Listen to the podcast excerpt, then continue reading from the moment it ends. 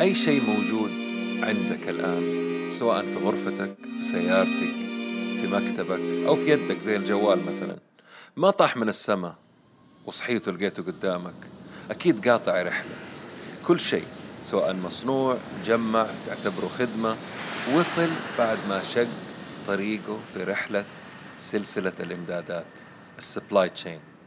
وبمساعدة الأمور اللوجستية logistics كيس الام ان ام علبة المناديل قهوتك المفضلة أو علبة البيبسي قلمك جوالك التفاحة الفيتامينات قوارير الموية وأي شيء تشتريه أو موجود عندك جزء كبير من قيمته الأخيرة داخلها طريقة وصوله لك. Uber و Airbnb و Amazon وأي تطبيق توصيل أي شيء سواء كان أكل من مطعم أو طرد أو حتى فواكه. وورود يعيش وما يقدر ينمو أو يتوسع وينجح بدون الكلمة السحرية logistics السلام عليكم ورحمة الله وبركاته. أهلا وسهلا بالجميع في بودكاست جديد من نتكلم business مع ممدوح الردادي. موضوع اليوم جايني من أحد المستمعين الأعزاء. راح نبحر في عالم سلاسل الإمدادات اللي هي ال supply chains والأمور اللوجستية logistics قبل كم يوم كنت بتفرج على برنامج آه، في البي بي سي اسمه Blue Planet 2 الجزء الثاني ويتكلم عن عالم البحار والأمور اللي فيها. فجاتني معلومة مرة غريبة. يقول لك إنه كل سنة 130 مليون container تكون في طريقها لمينا معين عبر البحار والمحيطات الشاسعة على كوكبنا. ومن هذه ال 130 مليون كونتينر كل يوم تخيلوا كل يوم أربعة منهم يطيحوا في البحر. كل يوم. زي ما الإنسان تعود على وسائل التنقل المختلفة ومنها بالأخص الطيارات ونزعل لما تتأخر الرحلة ولا نزعل إنه فاتتنا رحلة ولا الطيار ما أقلع في نفس الوقت وننسى عظمة الاختراع هذا وكيف جسم بهذا الحجم بيشيل 300 400 راكب وينقلهم في وقت قياسي. المهم مو هذا موضوعنا. كيف بننسى الأمور هذه وعمقها؟ ومن كثر سهولة حياتنا اليوم بسبب التطور التقني طبعا والإنترنت صرنا مستعجلين ونزعل لما طلب أطلبه من أمريكا يتأخر علي والتأخير اللي بتكلم عنه ثلاثة أيام مثلا. السبب بسيط ومعقد في نفس الوقت. الأيدي الخفية اللي شغالة في الخفاء لتوصيل طلبيتي في الوقت المحدد بالشكل المطلوب في حالة ممتازة يعني ما في تسليط ضوء عليهم. اليوم راح نكتشف عالمهم. ابغاكم قبل ما نتكلم عنهم تتخيلوا معايا عشان ناخذ كذا تسخين لموضوع ال logistics وال supply chain إحنا الآن عندنا تطبيقات آه، حقت سفر. بتدخل على التطبيق بتشوف الوجهة اللي تبى تروحها بتحدد الأيام بتشوف الأسعار بتقارن بتقرر وبتحجز. فلنفرض أنه حجزنا إحنا أسبوع في فندق في كاليفورنيا. الفندق هذا استقبل الطلب حقك وأكد لك الحجز. وصلت الفندق وصلت المطار أول شيء. نيجي نشوف الأشياء اللي بتصير داخل الفندق. الفندق بيطالع في الجدول عنده اليومي بيكتشف إنه عنده عدد معين من المسافرين واصلين في اليوم هذا بيرسل لهم shuttle car أو سيارة خاصة على حسب طلبك. بيستقبلك من المطار بيجيبك على الفندق بيسوي لك check in قبل ما يعمل لك check in في الغرفة ويدخلك على الغرفة في ناس دخلوا على الغرفة عفوا وشيكوا عليها وتأكدوا إنه كل شيء موجود كل شيء نظيف كل شيء في مكانه ويعطوك مفتاح للغرفة. بتدخل الغرفة الغرفة بتلاقي فيها كل شيء نظيف كل شيء جديد إن كان في سلة فاكهة إن كان في طبعا أكيد مية في المية حيكون في مناشف وصابون الصغير والأشياء اللي نشيلها معانا وإحنا ماشيين نجمعها في ناس. المهم ما نبغى نتكلم عنهم. آه كل الأشياء هذه في ناس بتحطها لما تخلص. خلص الصابون في الغرفة دي بتيجي الترولي الصغيرة هذه بتعبي الله يعزكم الحمامات والغرف بتحط فيها المناشف بتحط فيها الصابون بتحط فيها ال chocolates بتحط فيها الفواكه بتغير الشراشف. طيب الشراشف هذه لازم تتغسل. في ناس بيقوموا بالعملية هذه بيغسلوا الملابس بيكووا عفوا الشراشف حقت السرير. فتخيلوا كل العمليات اللي جالس اللي جالسة تحصل في هذا الفندق الواحد في المدينة اللي أنتوا رايحين لها. تخيلوا بعد كده كل الفنادق في ذيك المدينة طب في كل البلد طب في كل العالم. أظن كذا كثير. نكمل موضوعنا. عام 1913 هنري فورد ابتكر وبدأ أول خط إنتاج لسيارات فورد Model T. عام 1950 مالكم ماكلين اخترع ال container الحديد وتم العمل به عام 56 في ميناء نيو جيرسي. ومن عام 1960 وسبعينات وحتى 85 الأمور الإلكترونية والباركود ونظام فيديكس لمتابعة الشحنات بدأ. دخلت بروكتر اند جامبل وولمارت تويوتا هيوليت باكارد اللي هي HP غيروا اللعبة من ناحية الإنتاج حسب الطلب والحاجة بدون هدر وتضييع للأموال. وفي أجهزة مبنية داخل النظام اللي عندهم بتعطيهم تنبيه إنه نقص عندكم المنتج الفلاني أو في عميل طلب السيارة الفلانية أو تعبئة أرفف معينة في سوبر ماركت أو في صيدلية معينة أو تغيير حبر طابعة. ومن عام 1990 وأنتم طالعين بدأ عصر الإنترنت ومرة أخرى تغيرت اللعبة حتى وصولنا لأعظم وأكبر المتاجر على الكرة الأرضية اللي هو أمازون وعملياته العملاقة اللي تكلمت عنها في بودكاست سابق وطريقة توزيع وتوصيل الطرود عندهم. لو حبينا نتخيل مع بعض الدورة الكاملة لأي منتج عبر أي سلسلة إمدادات. البداية غالبا بتكون فكرة. تخطيط ودراسات بعد كده تكون عملية الاستحواذ على المواد اللازمة آه، عشان ننتج الأشياء المختلفة واستخدامها. بعد كده العملية بتكون عملية الإنتاج وبعدها عملية النقل إما عن طريق التركات التريلات أو السفن أو الطائرات. وتنتهي في المينا حق المستورد وفيها بوليصة شحن يتم استلامها عشان يتم دفع الفلوس للمصدر. هذا طبعا موضوع ثاني. المهم توصيل أو توصل للمينا. هنا يتم طبعا إرسال الكونتينرات للمستودعات واللي بتكون آه، إما وجهتها الأخيرة المستودع أو في وجهة ثانية بعد كده. بعد كده في آه، بيع بيتم في صيانة في استبدال أو في نهاية المنتج الاستهلاكي مثلا أو إذا ما كان له نهاية كمواد غذائية وغيرها اللي بتتلف. في مشوار ثاني اللي هو إعادة التكرير واستخدامه. يعني إدارة سلسلة الإمدادات هي الاهتمام بكل مراحل المنتجات والخدمات من بدايتها وخلال ملامستها لأي جهة حتى نهاية مشوارها للمستخدم الأخير. واحتمال تكمل المشوار لو في إعادة منتجات أو إعادة تكرير زي ما راح نشوف بعد شوية. مداخلة بسيطة في الموضوع. أي إنسان بيفكر في الزمن هذا. يعني غالبية الناس اللي بشوفهم أو بيستشيروني في ال business بيتكلموا عن تطبيقات. دائما بأسألهم عن الأمور اللوجستية. إيش عامل بالنسبة للأمور اللوجستية؟ دائما الفكرة بتكون آه، رهيبة وكبيرة وعظيمة.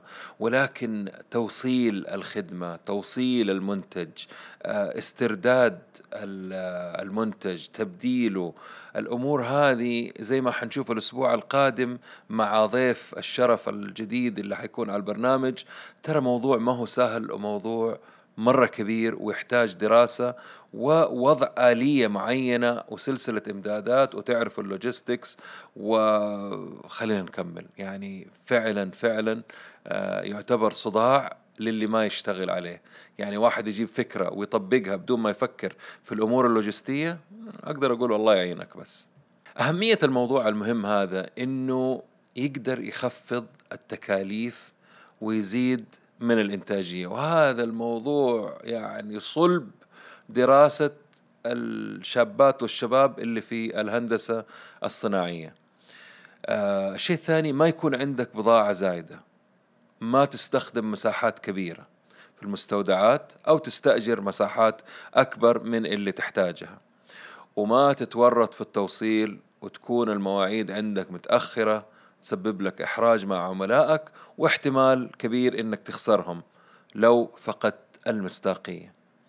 خاصة إن المنافسين كلهم أصبح مواعيدهم ممتازة وخدمتهم ممتازة ما بحدد أي جهة جغرافية. أنا بس بقول هاشتاج بس بقول.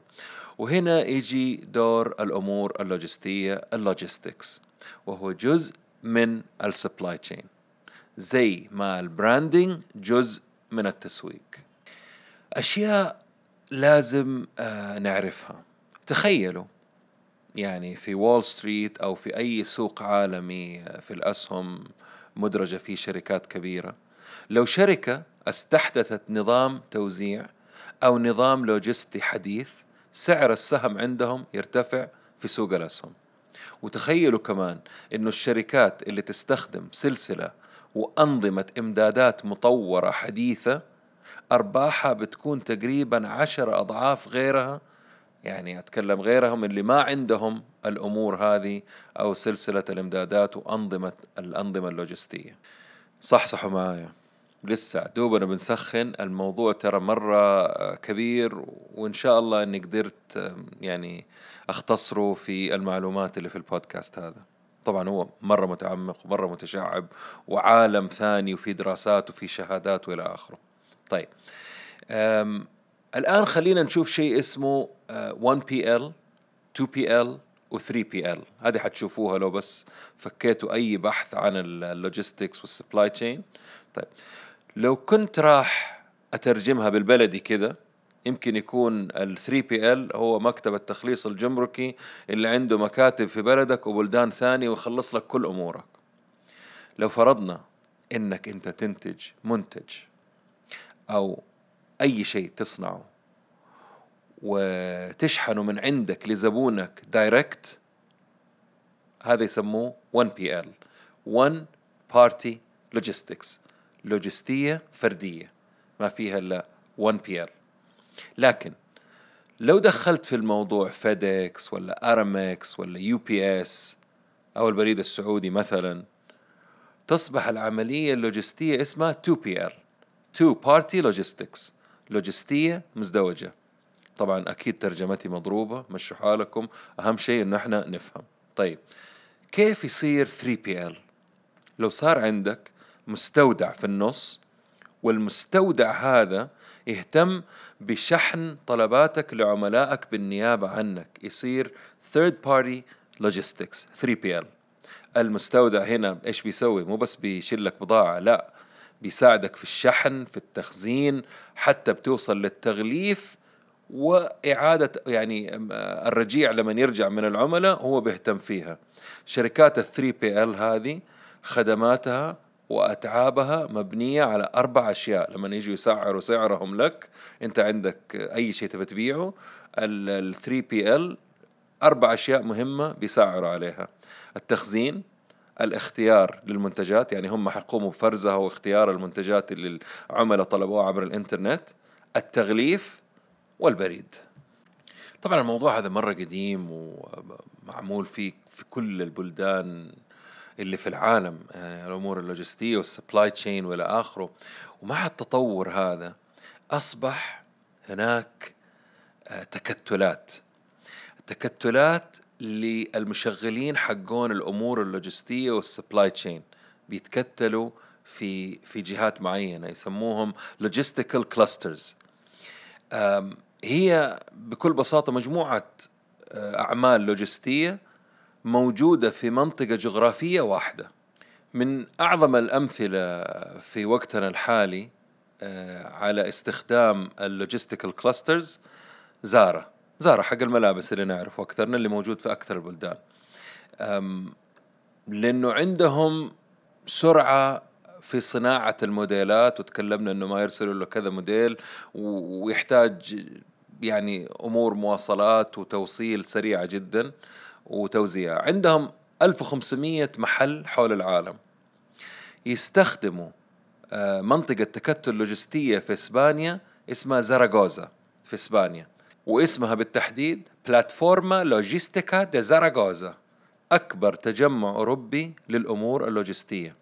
ميزته طبعا الطرق القطارات الطيران البنية التحتية وبسببه تقدر زارة تنتج الموديل وخلال 24 ساعة تخيلوا 24 ساعة يكون في كل معارضها الأوروبية وخلال 48 ساعة في جميع معارضها حول العالم. نفس الشيء شركة كالاديرو الإسبانية المتخصصة في الأسماك تحتاج نفس الخدمات هذه لأنهم أكبر موزع للأسماك في إسبانيا وما عندهم وقت عشان يكون السمك طازة وقت ما يوصلوه. طرق النقل إما تكون مباشرة direct اللي هي D أو الأولى طبعا هذه توصل بطريقة مباشرة أو تكون مجمعة consolidate C أو تحتاج تجميع طلبيات وجدولة. ومن هنا جات فكرة جديدة وهي أنه هذه الشركات اللوجستية تساعد الشركات الكبيرة في عمليات بيعها للمنتجات عن طريق خدمات القيمة الإضافية Value Added Services. عشان نفهم الموضوع بشكل أسهل خلينا ناخذ مثال آه، التعاون اللي حاصل بين آه، شركة نيكون حقت الكاميرات وشركة UPS اللي هي حقت البريد والتوصيل. عندهم خدمة اسمها Supply Chain Solutions حلول آه، سلاسل الإمدادات. أي إنسان فينا لما بيطلب كاميرا أونلاين أحيانا بيطلب الكاميرا معاها عدسة أكبر عدسة مختلفة آه، مجموعة عدسات شنطة بطارية شاحن tripod إلى آخره في أشياء خاصة لكل إنسان مختلفة عن غيره أو بيبيعوا package شركة UPS إيش بتعمل؟ لأنه عندها المستودعات حقت نيكون آه، موجودة في كنتاكي في أمريكا فإيش بيعملوا؟ هم اللي بيجهزوا الطلبية للعميل العمليات النهائية يعني العميل بتجيهم الطلبية أوكي يحتاج كاميرا يحتاج آه، شاحن زيادة بيجمعوها ومو بس كذا حتى لو حصل إنه تغيرت في آخر دقيقة الطلبية يقدروا يصلحوا الطلبية طيب لو عرفنا إنه المستهلك يرجع من 11 ل 20% من مشترواته الإلكترونية إيش الواحد يعمل؟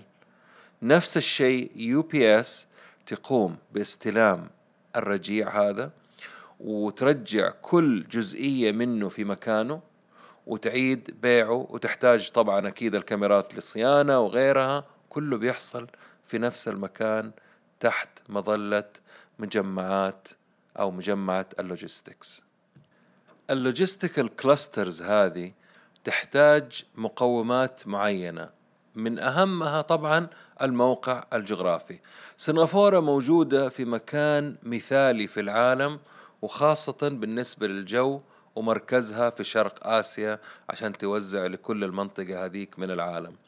آه ولاية تينيسي اللي فيها ممفس اختارتها شركة FedEx عشان تكون مقر رئيسي لها آه لوجودها في وسط أمريكا وقريبة من أغلب الولايات. آه روتردام في هولندا من ألفين سنة آه، قيصر يوليوس Caesar هذا اختارها وقرر إنه هي تكون ممتازة للإمدادات بسبب أنهارها والتوصيل باقي أوروبا. دبي ما يحتاج أتكلم عن نجاحها المبهر في جذب الشركات وتسهيل مهماتهم حتى أنها أصبحت من أهم المواني في العالم لدرجة أنها أصبحت تدير خمسين ميناء حول العالم آه، إلا أمريكا.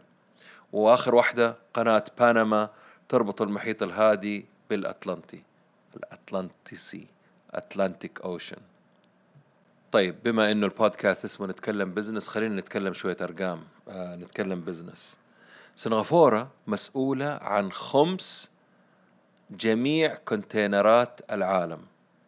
يعني طب كم هذا العدد؟ في 2017 قيمة البضائع عبر الكونتينرات كانت 12 تريليون دولار 60% عبر الشحن البحري. كمية البضائع أو حجمها زاد من 100 مليون طن في عام 1980 حتى وصل إلى 2 مليار طن في 2015 من 100 مليون ل 2 مليار. الشركة ميرسك عندها 636 سفينة هي هولندية وهي الأكبر في العالم دائما تشوفوها. أنا أكيد النطق غلط حق هذا ولكن دائما الكونتينرات أشوف الاسم هذا عليها.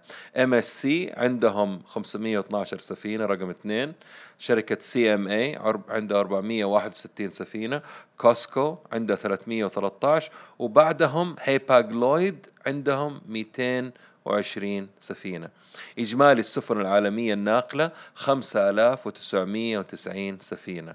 ميناء شانغهاي هو أكبر ميناء في العالم أشتغل في عام 2016 ونقل 37 مليون تي إي يو. تي إي يو هي وحدة الكونتينرات العشرين قدم.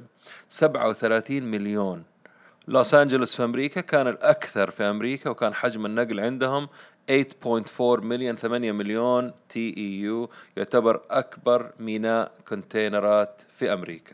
روتردام في هولندا مسؤول عن 10% من الناتج المحلي الهولندي ويقدر ب 22 مليون دولار. ومسؤول في صناعة 55 ألف وظيفة مباشرة و90 ألف وظيفة غير مباشرة. ممفس و FedEx عندها. ممفس اللي هي في آه، كنتاكي أظن ولا نسيت المهم. FedEx عندها 220 ألف وظيفة بالمطار 95% منها بالكارغو والشحن. في ثلاثة أشياء مرة مهمة لنجاح أي تجمع لوجستي. واحد سلاسة سريان المواد الخام وغيرها عبر البنية التحتية مطارات قطارات إلى آخره. اثنين سلاسة سريان المعلومات وتقنية المعلومات ال IT طلبات التنفيذ والأشياء هذه.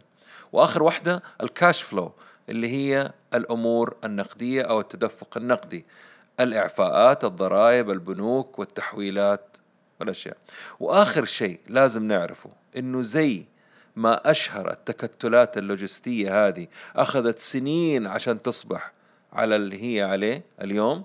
هي أيضا مهددة بالمنافسة الشرسة من بلدان زي الصين والهند ومصر وغيرهم من حيث العدد السكاني والعمليات العملاقة اللي ممكن تصير هناك.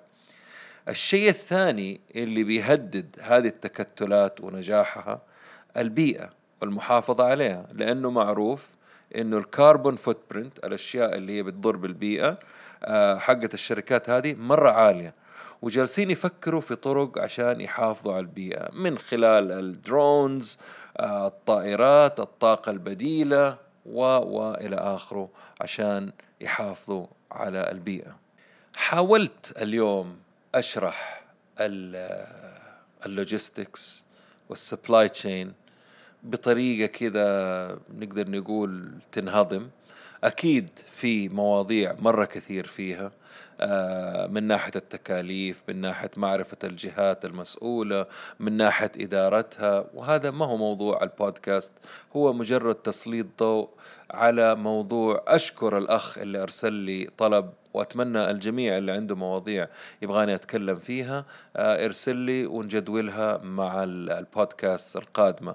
البودكاست القادم الأسبوع القادم إن شاء الله عندي ضيف أو ضيفين. آه، أعزاء عندهم آه، شيء عملوه على المستوى المحلي في السوق السعودي. أنا فخور فيه وفخور فيهم وبفكرتهم. وهم أيضا عانوا من الأمور اللوجستية وطبعا ما حيكون موضوعنا كله عن ال logistics لا حيكون عن آه، ريادة الأعمال والنجاح في السوق المحلي والسوق العربي. شكرا لوقتكم واستماعكم. آه، كان معكم ممدوح الردادي من بودكاست نتكلم business. مع السلامة.